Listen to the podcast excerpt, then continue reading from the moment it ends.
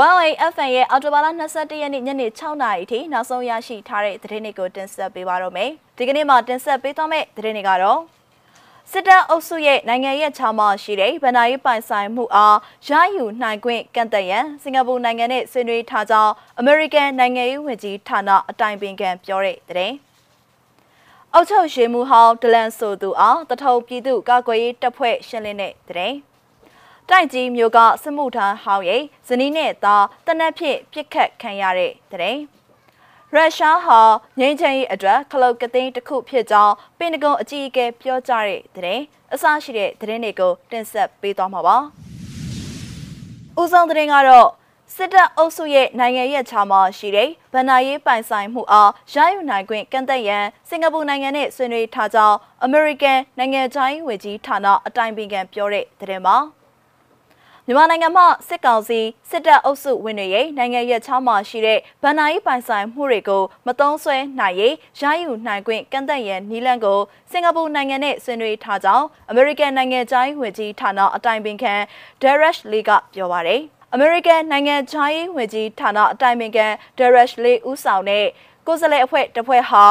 စင်ကာပူနိုင်ငံငွေကြေးဆိုင်ရာအာဏာပိုင်တွေနဲ့တွဲဆုံပြီးဆွေးနွေးခဲ့တယ်လို့သိရပါတယ်။ Mr. Darish Lee က စင်ကာပူငွေကြေးအာဏာပိုင်အဖွဲ့ရဲ့လက်ထောက် Managing Director ဟိုဟန်ရှ်တင်းနဲ့တွဲဆုံဆွေးနွေးမှုကအကျိုးဖြစ်ထွန်းပါတယ်။မြန်မာစစ်တပ်အုပ်စုရဲ့နိုင်ငံရေးချောင်းမှာရှိနေတဲ့ဗဏ္ဍာရေးပိုင်ဆိုင်မှုတွေကိုရယူသုံးနိုင်ခွင့်ကိုကန့်သက်ဖို့အတွက်နီလန်တွေဆွေးနွေးခဲ့ပါတယ်လို့၎င်းရဲ့ Twitter မှာရေးသားထားပါတယ်။သူရဲ့စင်ကာပူနိုင်ငံခီးစဉ်မှာစင်ကာပူငွေကြေးအာဏာပိုင်အဖွဲ့ဒုတိယစီမံညွှန်ကြားရေးမှူးနဲ့အော်တိုဘာလ20ရက်နေ့မှာတွဲဆုံဆွေးနွေးခြင်းဖြစ်ကြောင်းလည်းသိရပါတယ်။သူဟာ စင်ကာပူနိုင်ငံနိုင်ငံခြားရေးဝန်ကြီးနဲ့အစောပိုင်းကတွဲဆုံခဲ့ပြီးမြမအရေးအပါအဝင်ဒေသတွင်အကြောင်းအရာတွေကိုဆွေးနွေးခဲ့ခြင်းဖြစ်ပါတယ်။လာမယ့်အာဆီယံထိပ်သီးဆွေးနွေးပွဲနဲ့ဆက်ဆက်ဆွေးနွေးပွဲများအတွက်အာဏာသိမ်းစစ်ခေါင်းဆောင်အစားနိုင်ငံရေးနဲ့မပတ်သက်သူကိုယ်စားလှယ်တဦးကိုဖိတ်ဖို့အာဆီယံဆုံးဖြတ်ချက်အပေါ်အမေရိကန်နိုင်ငံကထောက်ခံကြောင်းအမေရိကန်ကိုယ်စားလှယ်ကပြောခဲ့ပါတယ်။ဆက်လက်ပြီးတော့မွန်ပြည်နယ်ကသတင်းကိုတင်ဆက်ပေးကြပါမယ်။ မွန်ပြည်နယ်တထုံခရိုင်အတွင်းမှာအုတ်ချုပ်ရေမှုဟောင်းစစ်ကောင်စီတရင်ပေးဒလန်ကျော်ဦးကိုဒီကနေ့နေ့နဲ့မှာတနက်နဲ့ပြစ်ခတ်ပြီးရှင်းလင်းခဲ့တယ်လို့တထုံ PDF တပ်ဖွဲ့ဝင်တဦးကပြောပါတယ်ဒီကနေ့အော်တိုဘာလ22ရက်နေ့နနက်10:00နာရီလောက်မှာမွန်ပြည်နယ်တထုံပေါ်တော်မူရွာကြီးပိုင်းမှာဒလန်ကျော်ဦးကအကြမ်းဖက်စစ်ကောင်စီတပ်ဖွဲ့ဝင်တွေနဲ့ပူးပေါင်းပြီးတထုံလမ်းမကြီးပေါ်မှာဆိုင်ကယ်တွေကားတွေနဲ့ဖုန်းတွေကိုလိုက်လံစစ်ဆေးမှုတွေလှုပ်ဆောင်ခဲ့တယ်လို့သိရပါတယ်။ စစ်ဆေးမှုတွေပြုလုပ်ပြီးတဲ့နောက်ဒလန်ကျော်ဟာသူ့ရဲ့ဆိုင်ကမ်းမှာထိုင်နေစဉ်တထုံမျိုးပြစစ်စင်ရေးနဲ့တထုံပြည်သူကာကွယ်ရေး TDO နှစ်ဖွဲ့ပူးပေါင်းပြီးတနက်သုံးချက်ပစ်ခတ်၍ရှင်းလင်းခဲ့တယ်လို့တထုံမျိုးပြစစ်စင်ရေး PDF အဖွဲ့ဝင်တဦးကပြောပါတယ်။ ကျောင်းကတကယ်ဒလန်အကြီးစားသူကဆန္ဒပြတဲ့နေရာတွေလိုက်ပြတယ်သူသတင်းပေးမှုကြောင့်စစ်ခွေးတွေကတနက်တွေနဲ့ပြစ်တော့ဆန္ဒပြနေတဲ့ဥသိမ့်တန်းတနက်ထိမှန်ပြီးတေဆုံးသွားတယ်လို့တထုံမြို့ပြစစ်စင်ရေး PDF အဖွဲ့ဝင်တဦးကပြောပါတယ်ဒလန်ကျော်ဦးရဲ့သားဟာစစ်ဗိုလ်တဦးဖြစ်ကြောင်းသိရပြီးကျော်ဦးရဲ့တပည့်တဦးမှလည်းမင်းညကဓာထိုးခံခဲ့ရသေးတယ်လို့ဒေသခံတဦးကပြောပါတယ်ရှင်။ ဆက်လက်ပြီးတော့တိုက်ကြီးမြို့ကသတင်းကိုတင်ဆက်ပေးကြပါမယ်။ရန်ကုန်တိုင်းတိုက်ကြီးမြို့နယ်အဖြောင်မြို့အမှတ်နှစ်ရက်ကွက်ဗနုဒလမ်းမှာနေထိုင်တဲ့စစ်မှုရန်ဟာဦးစံဖေးရဲ့နေအိမ်ကိုဆိုင်ကယ်နဲ့လူနှစ်ယောက်ရှောက်လာပြီးသူ့ရဲ့ဇနီးနဲ့သားကိုတနက်နဲ့ပြစ်ခတ်သွားကြောင်းပေါက်ကြားလာတဲ့စစ်ကောင်စီတပ်ရဲ့လုံခြုံရေးအစီရင်ခံစာကနေသိရပါတယ်။အဲဒီပြစ်ခတ်မှုဟာ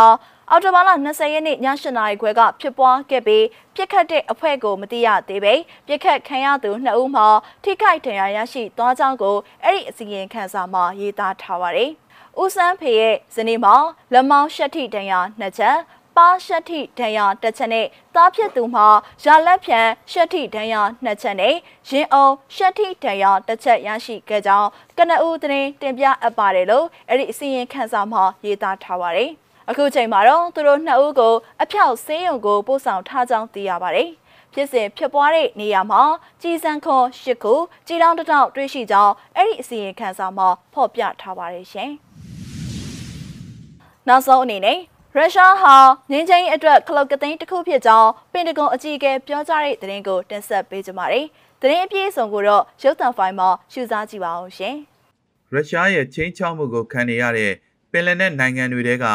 သူ့ရဲ့ဒုတိယမှတ်တိုင်တစ်ခုဖြစ်တဲ့ယူကရိန်းရဲ့အရှေ့ပိုင်းကစစ်ပွဲတွေကိုအဆုံးသတ်အောင်လှုံ့ဆော်ဖို့အတွက်အော်တိုဘာလ19ရက်အင်္ဂါနေ့မှာအမေရိကန်ကာကွယ်ရေးဝန်ကြီး Lloyd Austin ကရုရှားကိုတိုက်တွန်းလိုက်ပါတယ်။ပင်လယ်နက်နဲ့ယူကရိန်းနယ်စပ်က၎င်းရဲ့မငြိမ်သက်စေတဲ့လှုပ်ဆောင်မှုတွေကိုအဆုံးသတ်ဖို့ခရိုင်းမီးယားသိမ်းပိုက်မှုနဲ့ယူကရိန်းအရှေ့ပိုင်းကစစ်ပွဲတွေကိုရပ်တန့်ဖို့ ရုရှားကိုကျွန်ုပ်တို့ထပ်ပြီးတိုက်တွန်းပါတယ်လို့ယူကရိန်းဝန်ကြီးအန်ဒရီတာရန်နဲ့တွေ့ဆုံစဉ်မှာပြောကြားခဲ့ပါတယ်။ဒီစစ်ပွဲကိုမီးမွေးခဲ့တဲ့ရုရှားကပဲငြိမ်းချမ်းရေးဖြည့်ရှင်းမှုအတွက်ခလုတ်ကသင်းဖြစ်နေတယ်လို့သူကဆိုပါတယ်။စက်တင်ဘာလအစောပိုင်းကဝါရှင်တန်မှာပူးတွဲကြေညာခဲ့တဲ့နှစ်နိုင်ငံကာကွယ်ရေးနဲ့မူဝါဒရေးရာပူးပေါင်းဆောင်ရွက်ရေးအသေးစိတ်အစီအစဉ်အတွက်မဟာဗျူဟာမြောက်ကာကွယ်ရေးမူပေါင်းတည်ဆောက်ရေးဆွေးနွေးဖို့အတွက်အော်စတင်ဟာကီယက်ကိုရောက်ရှိနေခဲ့တာဖြစ်ပါတယ်။အော်စတင်ကတီရန်အပြင် တမ်တဘိုလိုဒီမာဇီလန်စကီတို့နဲ့နှစ်လအတွင်းဒုတိယမြောက်အဖြစ်အခုလိုတွေ့ဆုံဆွေးနွေးမှုဟာဂျော်ဂျီယာနဲ့ရူမေးနီးယားတို့အပါအဝင်ပင်လယ်နက်နိုင်ငံများအကြားပူးပေါင်းဆောင်ရွက်မှုတည်ဆောက်ရေးအတွက်